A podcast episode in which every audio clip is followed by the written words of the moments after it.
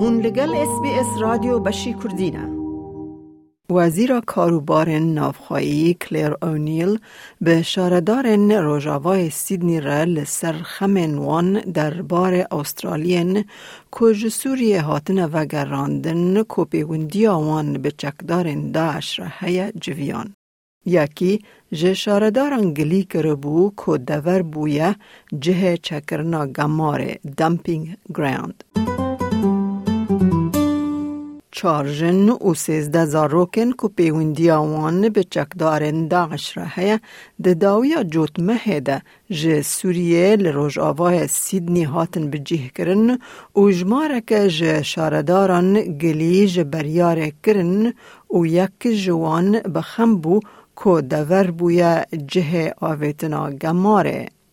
پارلمانتر پارتیا کار کریس باون که هلبجیرن ویین فدرال لدورن روژ آوانه.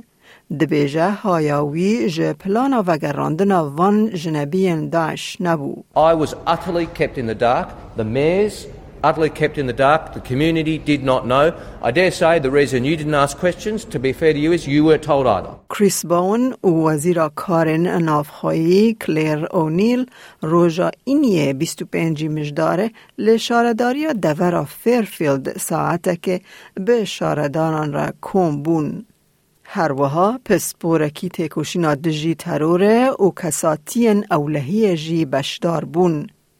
شاردار فیرفیلد فرانک کاربون دبیجه او گلکی کیف خوشه که جن و زاروک ده لسرانسر استرالیا جهن که مالبات نوان لینه بجیه ببن. The minister took on board the point about making sure that, uh, that they understand that the victims here are actually the refugees. They're actually those people that actually fled ISIS, and I think uh, I made it clear to her that uh, people would, would require her to take into account uh, those people and their feelings uh, and uh, to understand that they're the ones going through the traumatic experiences and that any future resettlements should be considered Uh, those people should be considered and taken into account. کلیر اونیل دبیجه و گراندن وان کسان ده برجواندیا نتوایی یا استرالیا دبو. One of the things that needs to be understood here is that these are Australian citizens. Now, the Australian government has a choice. We can bring these people back to Australia in a managed way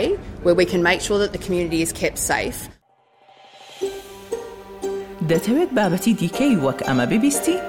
گۆڕایرە لەسەر ئەپ و پۆدکاست گوگل پۆدکاست سپۆتفاای یان لە هەر کوێیەک پۆدکاستەکانت بەدەستدەێنیت.